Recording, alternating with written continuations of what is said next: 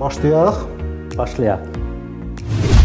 Abdurrəhimov Elşən İsmayıloğlu 1979-cu ildə Şəki şəhərində anadan olmuşdur. Məktəbi orada bitirdikdən sonra Türkiyənin Marmara Universiteti İqtisadiyyat və İdarə Etmə Elmləri fakültəsində təhsil almışdır. Hal-hazırda istehlakçı elektronikası sahəsi üzrə mütəxəssis və Yersi Distribution Azərbaycan şirkətinin rəhbəridir. Evlidir, 3 qız övladı var.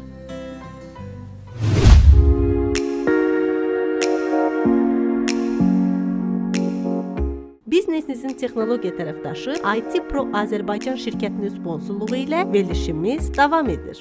Dəyərli izləyicilər, salam. Sizi Bizneskar kanalımızda salamlayırıq. Bizneskarın bugünkü qonağı YC Distribution Azərbaycanın rəhbəri Elşan Əbdürrəhimovdur. Elşan bəy, xoş gəlmisiniz. Xoş gördük. Çox sağ olun dəvətiniz üçün. Sağ olun.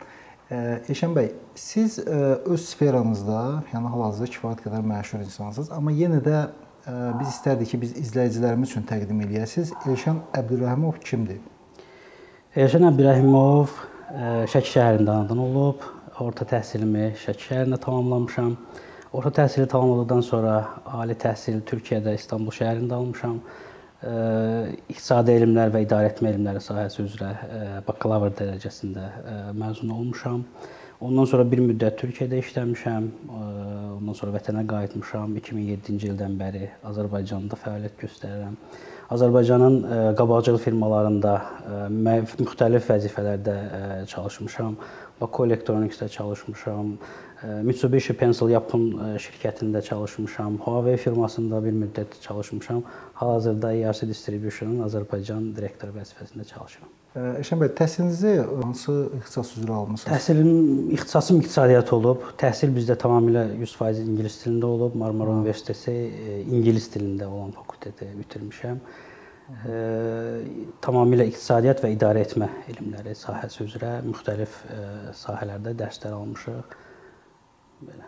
Bəs yaxşı, niyə ə, IT sahəsinə gəldiniz, çıxdınız yəni IT Əslində ə, belə deyim, mən ə, bu biznesə IT sahəsindən yox, istehlakçı elektronikası sahəsindən gəlmişəm. Ə, istehlakçı elektronikası, yəni son istifadəçisinin adi vətəndaş olan məhsullar, telefon, aksesuarlar, kabellər, Aha. televizor, paltaryon, məişət texnikası, kompüterlər, kompüter aksesuarları, yəni bu məhsullar istehlakçı elektronikası sayılır və mən bu məhsulların satışı sahəsi üzrə gəlmişəm və belə deyək də yolumuz ERC distribution-da kəsişib. ERC distribution-unda çox fərqli istiqamətlərdə fəaliyyətlər var, biznes fəaliyyəti var.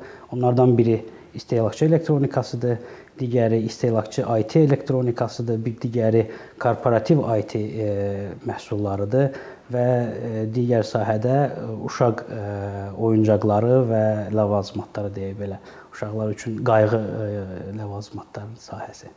Elə çıxır ki, çox böyük sahəni Yarısı Distribution 1995-ci ildən fəaliyyət göstərir. Fəaliyyətini Aa. Ukraynada başlayıb. Ukrayna mərkəzli holdinq şirkətdir. Holdinqin mərkəzi İsveçrədə yerləşir və e, bir çox ölkədə Azərbaycanda olduğu kimi e, şirkətləri var həmin holdinqin. E, bu ölkələr Ukrayna özü, Moldova, Gürcüstan, Belarusiya, Qazaxıstan, Türkmənistan, Özbəkistan və Azərbaycanda hal-hazırda fəaliyyət göstərir şirkət. Biz də həmin şirkətin bir qolu olaraq 2018-ci ildən bəri Azərbaycanda fəaliyyət göstəririk. ERC Distribution Azərbaycan rəsmi olaraq şirkət olaraq qeydiyyatını 2020-ci ildə sentyabr ayında qeydiyyat eləmişik. O necə olur? Axı mən yadımdadır ki, var idi bu şirkət əvvəl də var idi. ERC Distribution Azərbaycanda olmayıb. ERC Distribution Azərbaycan MMC olaraq fəaliyyət göstərməmişik. Aha. Bu qeydiyyat belə deyək də o hüquqi şəxsin qeydiyyatı 2020-ci ilin e, sentyabr ayında baş verib. Pandemiya vaxtı. Bəli, yəni biz biznesə pandemiya vaxtında başlamışıq. Pandemiyaya baxmayaraq, vətənimizdə baş verən müharibəyə baxmayaraq, yəni bu iqtisadi çətinliklərə baxmayaraq qısa zamanda çox belə uğurlu bir nəticələr əldə etmişik. Bəli. Bu yersi Azərbaycan ümumiyyətlə belə də distribution Azərbaycanda daha da vururlar, desək. Əgər konkretləşdirsək də, belə hansı məhsulların distribusiyasından məşğuldur? Hansı ki bizim məşhur bildiyimiz var, hansı? Yəni siz brend adını brend, eşitmək istəyirsiniz? Brend olaraq, yəni, bəli, brend. E, belə deyək, bizim e, fərqli sahələrdə fərqli-fərqli tanınmış brendlərlə əməkdaşlığımız, müqaviləmiz var. Ən birincisi qeyd edim ki, ERC Distribution özü və ERC Distribution Azərbaycan yalnız və yalnız istehsalçının birbaşa təsdiqi müqaviləsi olan məhsulları biz gətirib Azərbaycanda satırıq. Bir hansı bir hər hansı üçüncü bir şirkətin tərəfin satdığı məhsulları gətirib bazara təqdim eləmirik. Yalnız istehsalçının bizə müqavilə verdiyi, qarantiyasını verdiyi məhsulları biz gətirib bazara təqdim eləyirik. Yəni biraz şey dildə desək, Lorodidə traderlik eləmirik. Biz bir, sadəcə birbaşa rəsmi distributorluqla məşğuluq. Yəni bu məhsullar bizdə Fortinet brendi var, IT təhlükəsizlik, infrastruktur sahəsində. Bizdə Inspur brendinin nümayəndəliyi var. Bizdə Microsoft-un distributorluq müqaviləsi var.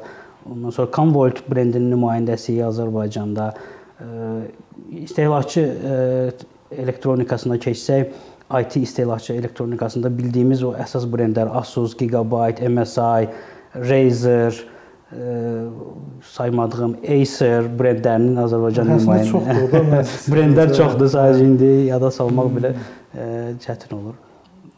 Bu brendlərin ondan sonra məişət texnikasında Ardesto brendi var. Elektronika aksesuar segmentində 2E brendi var, Belkin brendi var. Ondan sonra Hama brendinin Azərbaycanda nümayəndəsi.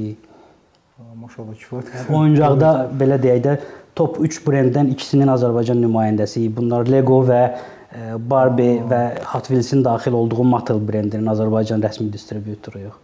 Çox maraqlı. Lego Lego-nu tanıdım, o biriləri tanımıram. Barbie məşhur Amerikan, hə, Barbie-nin daxil Mattel brendi gedir.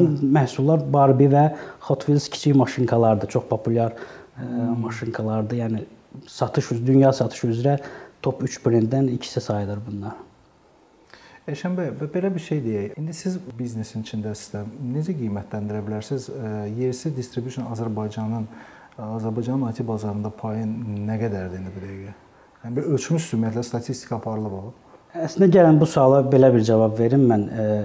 Biz həm bazarda yeniyik, IT sfer, ya belə deyək də biz IT bazarına il yarımdır fəaliyyət göstəririk və bizdə statistik məlumatlar çox da yaygın deyil. Yəni ona görə burada bir rəqəm səsləndirmək biraz doğru olmayacaq, amma indi fikirləşirik ki, bu qısa müddət ərzində bayaq qeyd etdiyimiz kimi pandemiyaya və müharibəyə baxmayaraq çox yaxşı bir nəticə əldə etmişik və bazar payı əldə elədiyimizi fikirləşirəm. Əşən bəy, bəs yersi distribution ümumiyyətlə eləyirmi və yaxud da planında varmı hər hansı bir məhsulların məhz Azərbaycanda istehsalı və yaxud da inteqrasiyası ilə məşğul? Hazırda bu suala cavab vermək üçün biraz erkəndir, tezdir. Ümumiyyətlə ERC istehsalçı bir şirkət sayılmır. Yəni sadəcə burada olmasına, yəni burada yeni, yəni ən azı yığılmasını belə deyək də, yığılmasını həyata keçirirmi? Belə deyək də, bu ə, hansısa məhsulun yığılması müəyyən ə, iş qüvvəsini və ə, dövriyyəni tələb eləyir. Hal-hazırda biz bu işləri bizim mərkəz ofis saydığımız Kiyev, Ukrayna üzərindən eləyirik. Orda 7 hektar sahədə anbarımız və ofis mərkəzimiz var şirkətin. Yəqin ki, salamatçılıq yəni, çox orada. Hal-hazırda çox şükür, yəni bizim anbara və ofis binasında heç bir zərər yoxdur, məhsullarımızda heç bir zərər yoxdur. Hər şey qaydasında. Hətta onu deyim ki, son 3 gün ərzində artıq fəaliyyətə başlayıb anbarımız. Bu Kiyevdədir. Bu Kiyevdədir, bəli. Yəni orada heç bir çox şükür heç bir ziyanlıq yoxdur. Hmm. 7 hektar ərazidə yerləşən bir anbar kompleksi və ofis kompleksindən, hətta tədris mərkəzinin olduğu bir kompleksdən danışırıq. Yəni ona görə hələlik o işlər bizə oradan aparmaq daha məqsədə uyğun gəlir. Yəni mərkəz Bu dəqiqə ümumiyyətlə logistika ilə problem yaranmır indi hal-hazırda. Belə izah eləyim. Bizdə iş prinsipi necə gedir? Bəli, bizim əsas mərkəz Kiyevdə, holding İsveçdə yerləşir. Bizim əsas qlobal müqavilələr İsveçdəki holding şirkət üzərindən bağlanılır bu müqavilə əsasında məhsul bir çox hallarda, bir çox brend üzərində birbaşa Azərbaycana gəlir istehsalçıdan. Bu Kiyev üzərindən və ya başqa bir ölkə üzərindən gəlmir. Hə, hansı bəzi məhsullar var ki, onlar böyük ə, həcmlər tələb eləyir sifarişdə, böyük konteynerlərlə sifariş lazımdır. O məhsulları bəli biz Kiyev üzərindən gətirirdik, oradakı anbardan istifadə eləyirdik. Hal-hazırki vəziyyətdə bizim Gürcüstan şirkətinin ə, bu anbar xidmətindən istifadə eləyir. Məhsullar birləşdirilmiş halda sifarişlər gəlir ora, oradan digər ölkələrə paylanılır. Mən üzr istəyirəm. Gürcüstanda deməli anbar var. Gürcüstanda da Azərbaycanda kimi ofisimiz var. O bizim də anbarımız var burada. Gürcüstanda da anbar var. Özbəkistanda da var. Sadəcə Gürcüstan olmağının səbəbi Gürcüstanda bu fəaliyyət göstərdiyimiz sahədəki məhsulların demək olar ki, 99%-nə gömrük rüsumu yoxdur. Aha. Yəni ona görə onlar məhsulu ixal eləyib təkrar ixrac zamanı heç bir itki olmur qiymətdə. Amma Azərbaycana biz onu nə eləyib, bir də ixrac eləmək istəsəz biz 15% gömrük rüsumu ödəmiş oluruq. O bizim mayaya daxil olur. Ona görə də bu, bu, prosesi Azərbaycandan eləyə bilmir. Əslində maraqlıdır. Azərbaycan çox ideal geolokasiyası var. Çox ideal bu şəkildə bu hub'ı eləyə bilərik biz Azərbaycanda, logistika hub'ını. Bura dəmir yolu gəlir, e, bir çox e, quru yolu, hava yolu imkanları Tam daha çoxdur. Tam mərkəzdəyik. Mən bunun üçün şirkət daxilində hətta biraz çalışdım da eləyim, amma daha sonra bu gömrük rüsumu məsələsinə görə biraz riskli bir proses idi. Biraz əziz ona görə o pozisiyanı Gürcüstana itirdik. şirkət daxili Yəqin ki, nəsə bir şey fikirləşirlər bundan bağlı. Çünki inkişaf yəni bunsuz bir dəqiqə mümkün deyil yəni. Biz məhsulu alanda Gürcüstan üzərindən gəlməklə birbaşa istehsalçı arasında gəlmək arasında heç bir fərq yoxdur.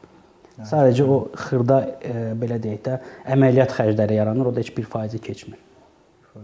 Bax e, pandemiyadan dediniz, yəni pandemiyada ə, bir çox şirkətlər yəni belə ə, çox ə, belə deyim də pis bir vəziyyətə düşdü.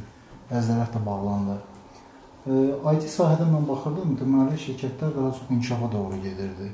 Yəni bu da təbii də insanların evdən işləməsi ilə bağlı idi. Ə, Sizdə necə oldu? Düzdür, o vaxt açılmağınıza baxmayaraq Ümumiyyətlə necə proseslər necə getdi? Yəni bir gəlirlik səviyyəsinə çıxa bildinizmi? Həm Belə deyək də biz fəaliyyətə başlamışıq 2020-ci ilin rəsmi olaraq fəaliyyətə başlamışıq 2020-ci ilin sentyabr ayında və həmin ildən başlayaraq biz e, müsbət dövriyyədəyik. Vergimizi ödəyirik. Bəli, yəni e, öz xərclərimizi qarşılayırıq və gəlirli bir vəziyyətdə fəaliyyət göstəririk. Pandemiyanın ümumilikdə mənfi cəhətləri oldu. Bazar daralması yaşandı, bəzi məhsullara tələbat ikinci, üçüncü planlara düşdü. Ancaq biz ERC Distribution Azərbaycan olaraq biraz bunu fürsətə çevirdik deyə bilərik. Yaranan logistik problemlər, yaranan o lockdownlardan biz biraz daha kiçik yeni şirkət olduğumuz üçün daha belə flexible, biraz ingilis sözü flexible olduq. Daha Çevik, belə daha çevik, daha daha çevik olduq. Yəni 2020-ci ildə, 2021-ci ildə lockdownların baş verdiyi dövrlərdə bizim dövriyyəmiz artdı. Yəni bu ə, çevikliyimizlə bağlı idi. Biz ə, şəhərin mərkəzində ofisimizdə kiçik bir otaq anbar elədik. Onlayn satışlar üçün biz həmin günü çatdırmanı ə, çat, ə, həyata keçirdik. Onlayn satış edən partnyorlarımız üçün. Biz birbaşa istehlakçıya məhsul satmırıq. Biz distributor şirkəti. Biz ancaq partnyor üzərində satış eləyirik. Onlayn ə, fəaliyyət göstərən partnyorlar satışlarını edib bizə bildirdiyi gün məhsulu gəlib bizim baş ofisimizdən e, götürə bilirdilər. Tələbatı çox olan məhsulları biz orada saxlayırdıq. SMS-lə əməkdaşımız 2 saat icazə alırdı. Gedirdi məhsulları təhvil verib və qayıdırdı. Daxili İşlər Nazirliyi Yox, bu təbii hüququdur. Orada bir hüquq pozuntusu yoxdur. Yəni 2 saat İki saatlıq icazə verilir, icazəsindən bəli istifadə edib. Super. Baxın, ə, Eşən bəy, ümumiyyətlə demək olar ki, Azərbaycan bazarı perspektivli bazardır. Azərbaycan bazarı hal-hazırda inkişaf dövriyyəsində olan bir bazardır. Hətta mən deyə bilərəm ki, bütün sahələrdə inkişaf dövriyyəsini yaşayır. E, hətta biraz sözü biraz fərqləşdirək. Biz e, dəyişim prosesini yaşayır Azərbaycan mərhələli olaraq. Yəni 2015-ci ildən əvvəl başqa bir e, bazar var idi Azərbaycanda. Hətta 2007-ci ildən baş, əvvəl başqa bir bazar var idi. İndi pandemiyadan sonra tamamilə başqa bir bazar e, formalaşır. Pandemiya və müharibədən sonra deyək də daha doğrusu. Bəli, pandemiya. də istərsən, Yəni açığını deyim ki, müharibə dövründə bizdə ə, pandemiyadakı qədər bir iqtisadi daralma hiss olunmadı. Mən deməzdim ki, bu müharibənin səbəbləri. Müharibə zamanı biz kifayət qədər normal iqtisadi fəaliyyət göstərirdi. Yəni onun bir Yox, müharibənə görə yox. Məsəl üçün mən bir investor kimi əgər götürsən, ə, insan ölkəyə ə, Hə, yeni pul- pul investisiyalar qoymalıdırsa, qoymağı bəli, amma- yəni müharibə olan ölkəyə təbii Hə. ki, yəni heç kim pul yəni, o qoymaz. qısa yəni 44 o. günlük bir şey idi. Ha. O çox böyük təsir elədiyini düşünmürəm mən onun. Yox, Amma yəni demək ümumiyyətlə fəaliyyət olaraq sonra artıq ərazilər ə, belə deyim, azad olunubsa, Yəni biz o dövrdə də, o dövrdən sonra da biznesimizdə heç bir əngəl, heç bir maneə belə deyək də, həm xaricdən, həm daxildə və ya hər hansı bir e, belə axsama yaşamadıq. Biz normal dövr biznesimizi davam etdirdik. Ən çox pandemiya dövründə lockdownlar, iş olmamağı, restoranların bağlı olmağı bu tələbatı azaldırdı istər-istəməz. Bu təsirləri olurdu biznesin. Eşən bəy, hər bir şəxsdə belə deyək də, belə deyim, biznesini quranda əsas problemlərdən biri yaxşı kadrların tapılmasıdır. Ümumiyyətlə sizdə belə problemlər olurmu və bu problemi necə həll edirsiniz? Əlbəttə, kadr məsələsində ə, çətinliklərimiz olur. Bunu daha çox təcrübəli olduğumuz ə, sahələrdən ə, tanıdığımız insanlarla aradan qaldırmağa, yaxşı referansı olan, yaxşı iş təcrübəsi olan insanlarla aradan qaldırmağa çalışırıq. Biz ERC komandasını formalaşdıranda əsasən də IT biznesi sahəsində komandanı formalaşdıranda tamamilə uzun illər təcrübəsi olan, bazarı tanıyan, partnyorları, bazar iştirakçılarını tanıyan əməkdaşlardan seçməyə çalışdıq və inanıram ki, bu gün ERC yaxşı uğurlu nəticə əldə eləyibsə, elə bu komandanın uğurlu seçimi əsasında olub. Ümumiyyətlə necə fikirləşirsiniz? Bu sahədə, yəni IT sahəsində kifayət qədər professionallar varmı, yoxsa hələ işləmək lazımdır?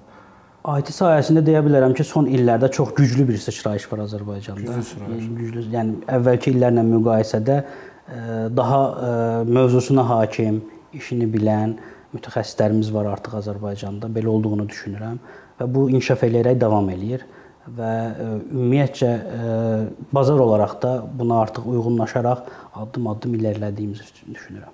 Əlbəttə ki, orada müəyyən əksikliklər olur. İnkişaf dövründə əksikliklər olacaq, amma fikirləşirəm ki, bunu mütəmadi olaraq bizim peşəkarlar, mütəxəssislər aradan qaldıraraq davam eləyirik. Əşən bəy, iş həyatında, iş həyatında ümumiyyətlə sizdə belə olubmu maraqlı bir hadisə, hansı ki, sizin belə deyim, yadınızda qalıb bir bir həyat dərsi kimi?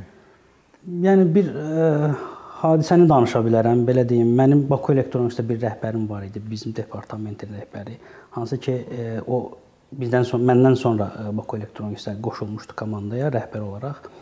Ə, ilk görüşlərdə bizim e, belə deyək, ünsiyyətimiz alınmamışdı onunla. Biraz soyuq ünsiyyət yaranmışdı. E, bir layihə var idi. O layihədə mən könüllü olaraq layihə rəhbəri kimi öz üzərimə götürdüm məsələləri. Orada müəyyən problemlərimiz yarandı. E, Allah rəhmət eləsin. Pandemiya dövründə biz itirdik o e, yoldaşımızı. Çox yaxşı insan idi. Yəni baxmayaraq ki, bizim başda o ünsiyyət problemimiz yaşanmışdı. Çox güclü biz biz orada e, qarşı-qarşıya gəldik. Hətta belə deyək də töhmətə qədər işlər uzandı. E, hətta yəni qarşımda iki alternativ var idi. Ya işdən çıxmalı idim, ya belə bir, bu qədər bir ciddi bir problem yaranmışdı qarşımızda. O məsələni çox yenə də təcrübəli bizim HR e, müdirimiz var idi orada. Xanım Səbinə xanım onun köməkliyi ilə biz bu prosesi aşdıq norm, yəni belə deyək də çox itki vermədən, çox bir-birimizi qırmadan bu prosesi açdıq və ondan sonra çox yaxın dost olduq həmin insanla. Hətta. Ondan sonra uzun illər, yəni biz bütün layihələrdə əl-ələ sıx bir əməkdaşlıqla deyək ki, yəni mənim karyerimin formalaşmasında həmin insanın böyük rolu oldu. Hmm. Yəni iş təcrübəsi, iş həyatında belədir ki, siz daima inkişaf eləməlisiniz. Yəni universitetdə oxudum, kitablardan öyrəndim. İş həyatı bu deyil. İş həyatında daima təcrübələrlə özünüzü inkişaf elətdirməlisiniz və yeniliklərə hər zaman öyrənməyə açıq olmalısınız və həmin insanın yönləndirməsi ilə fikirləşirəm ki, mən karyeram onun yönləndirməsi ilə formalaşdırdım. Şimdi ümumiyyətlə başqa sahələrə nəsə investisiya qoyursunuzmu? Yəni başqa sahələrlə maraqlanırsınız? Şəxs olaraq şəxs olaraq da. Belə deyək də bizim özüm Şəki rayonundayam. Valideynlərim orada yaşayır və orada kiçik kənd təsərrüfatı ilə məşğuluq. Çox böyük məndə ilk öncə atam da yaranıb, sonra daha da o maraq mənə keçib. Bizim kiçik bir arı təsərrüfatımız var. Şəxsən atam özü maraqlanır və mən də vaxt tapdıqca gedirəm, birbaşa şəxsən özüm də maraqlanmağa çalışıram. Çox maraqlı bir sahədir. Çətin bir sahədir, amma çox-çox maraqlı bir, çox dərin, yəni elmi bir sahədir hətta deyə bilərəm o. Yəni o ilə məşğul oluruq. Həzz alırsan ya bu. Çox həzz alıram. Yəni imkan tapdıqca mən 15 gün, 10 gün illik icazədən istifadə edib ancaq o işin arxasına qaçıram. istirahəti belə keçirsən. Həqiqətən də mənim üçün o istirahət olur. Fiziki yox, amma belə mənəvi, mənəvi cəhətdən çox böyük istirahət olur mənə. Əşən bəy, o izləyicilərimizə oxumaq üçün nə kitab məsləhət görərdiniz? Mən konkret kitab adı çəkməyəcəm, çünki hər bir sahədə və ya hər bir şəxsin özünün marağı olduğu ə, sahələr var. Mən şəxsən özüm həmişə iş sahəmə uyğun kitablar ə, oxumağa çalışmışam. Ə, son oxuduğum belə deyək də həmin o biraz əvvəl bəhs etdiyim şəxsin yönləndirməsi ilə mən oxuduğum Maxwell-in idarə etmə, liderlik kitablarını çox oxumuşam.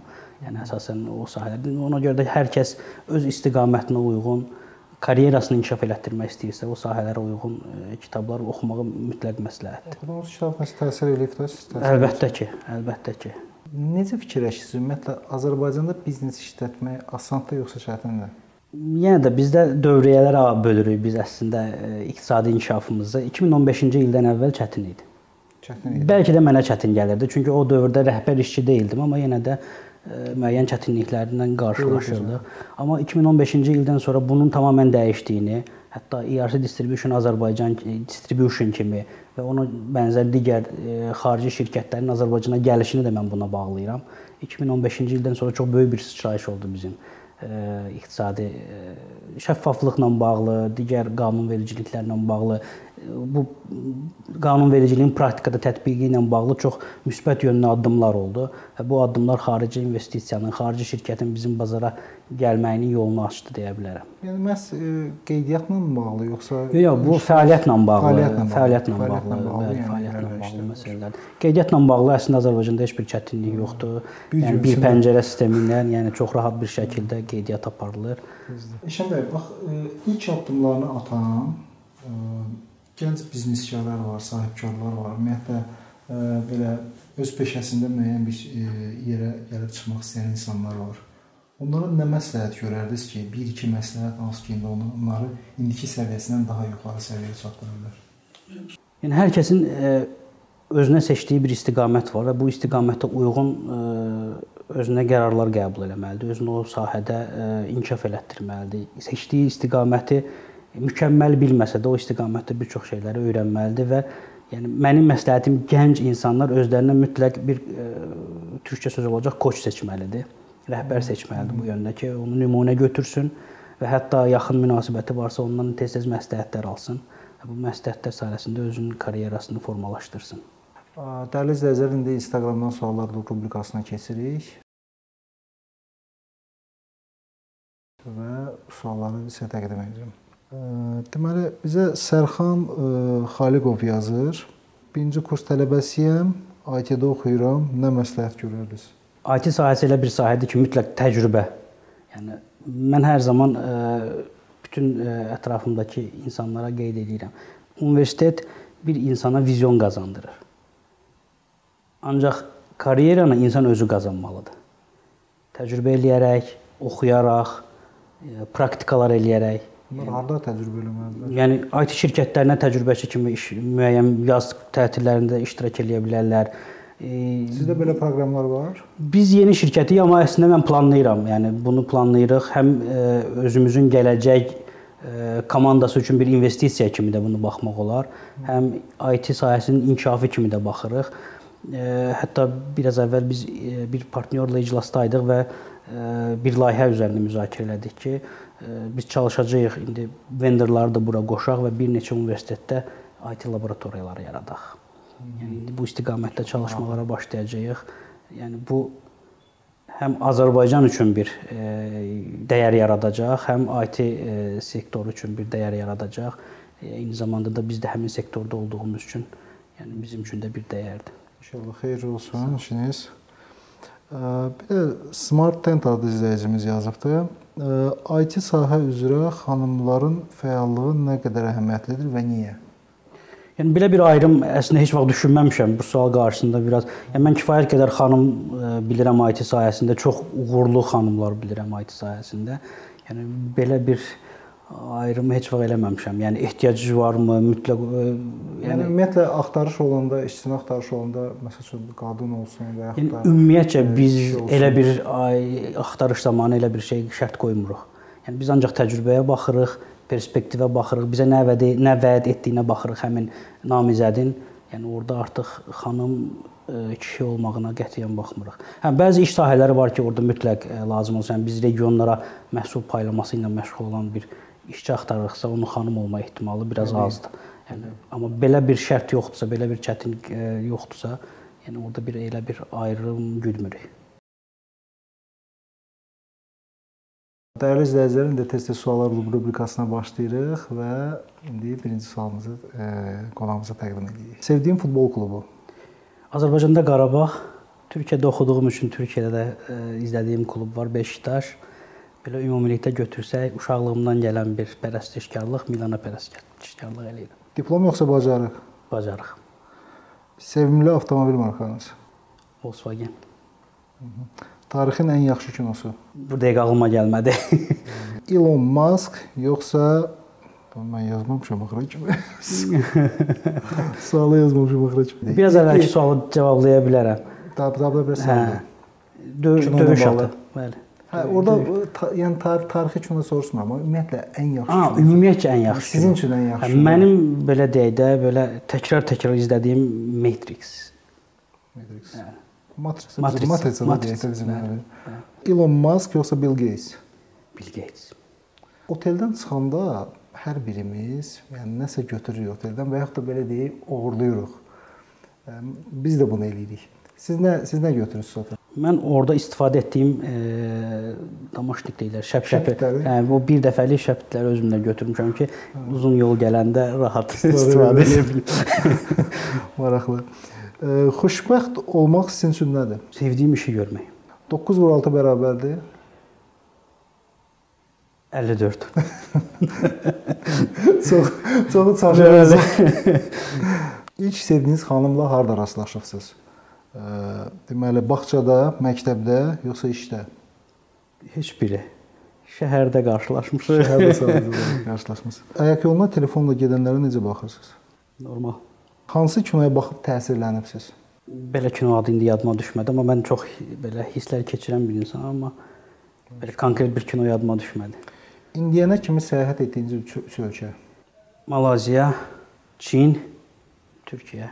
Bəs gələcəkdə hansı üç ölkəyə səyahət etmək istəyirsiniz? Səyahət planlarımın arasında belə deyək, həvəsləndiyim getmək üçün e, Yunanistan, Meksika və Yuqoslaviya. Aha, maraqlıdır. Yugoslaviya, Yugoslaviya yoxdur artıq. Serbiya, Serbiya. Serbiya. Serbiya. Ukrayna yoxsa Rusiya? Ukrayna. Uşaq vaxtı sizi nə ilə qorxudurdular? Yadıma düşmür. Qorxutmaq. Xoxan zad Yox, qorxudum amma Xoxanla yox, yəni belə Sevdiyiniz idman növü? stol üstü tenis. Belə bir imkan e, yaransaydı, e, yaradıcı ilə görüşsəydiniz, ondan nə soruşardınız? Çox çətin bir sualdır. Ümumiyyətlə də, yəni belə planlayırsınız ümumiyyətlə nə vaxtsa soruşmağa. Elə bir şey olubdu. Elə bir şey heç düşünməmişəm. Düzünə qalsa inancımız gərəyi biz biraz onu tabu kimi qarşılayırıq beləcə. Ona görə heç elə bir şey düşünməmişəm də və bunu cavablamağın da biraz fikirləşirəm inancımıza tərs ola bilər ona görə. dərs olur. E, Ekvatorial Qvineyanın paytaxtı. Ma Malabo şəhəri.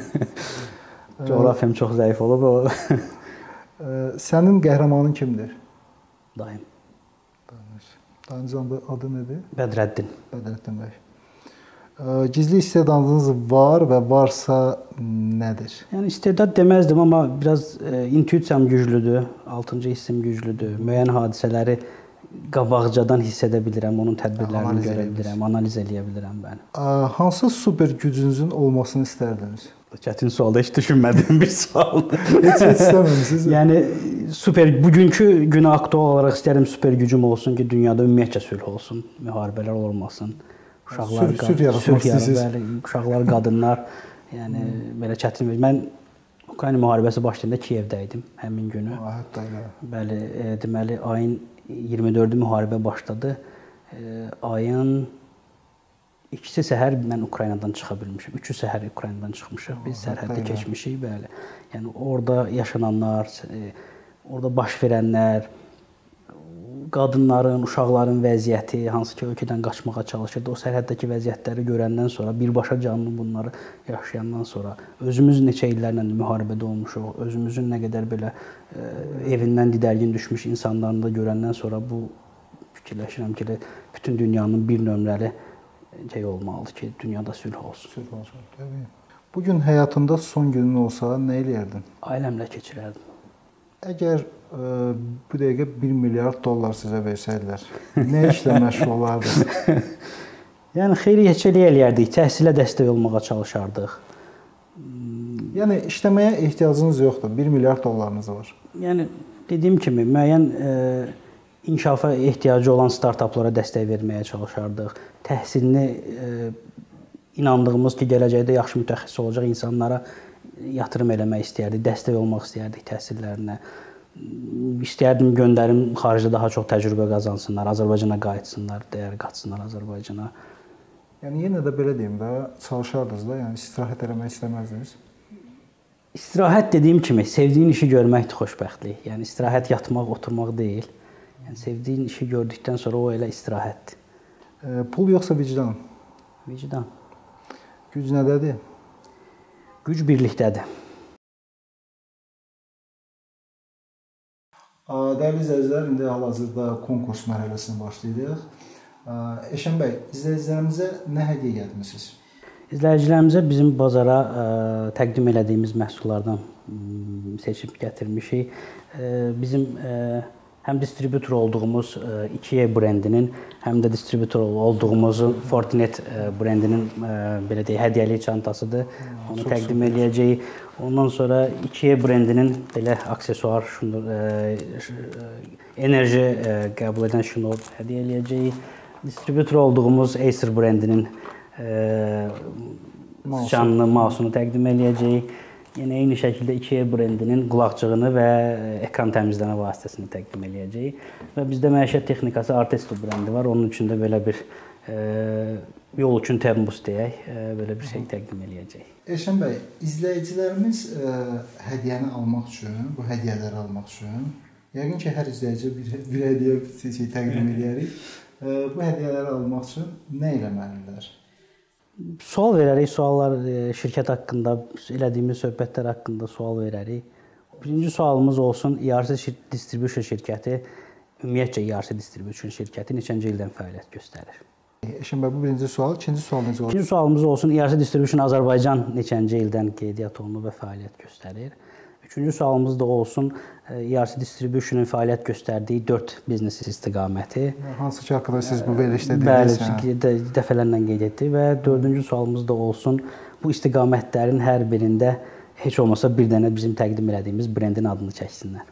Dəyərli izləyicilər, deməli bu suallar 4 4 sual oldu. 4 suala uyğun burada düzdür biraz hədiyyə çoxdur. Yox, hər bir sualda əgər olar, 2 nəfərə qalib elan edərik və sizdən sadəcə olaraq tələb olunan nədir? Şərhlərdə cavabları yazmaq, düzgün cavabı yazmaq, videonu like etmək və kanala abunə olmaq. Eşən bəy, çox xoş oldu sizin bizim verilişdə görmək. Həqiqətən gəldiniz, öz dəyərli fikirlərinizi bizim qonaqlarımızla bölüşdünüz. Mən ümid edirəm ki, burada biz nöqtə qoymuruq. Siz yenə yenə gələrsiniz, yenə dəyərli fikirlərinizi bizlə bölüşərsiniz, izləyicilərimizə maraqlı ideyalarınızı təqdim edərsiniz. Bir daha gəldiyiniz, iştirak etdiyiniz üçün təşəkkür edirik. Çox sağ olun. Mənim üçün də çox-çox xoş idi. Sağ olun dəvətiniz üçün. İnşallah təkrar görüşərik. Dəyərli izləyicilər, gördüyünüz kimi çox maraqlı bir ə, e, söhbətimiz ə, e, baş tutdu. Ə, e, biz ə, əziyyət çəkdik, sizin üçün bu maraqlı bir ə, verilişi təqdim elədik. Sizdən isə tələb olunan yeganə bir şey ə, bu videonu like etmək, ə, şərhlərdə fikrinizi bildirmək və kanala abunə olmaqdır. Yeni videolarda görüşmək ümidi ilə sağ olun.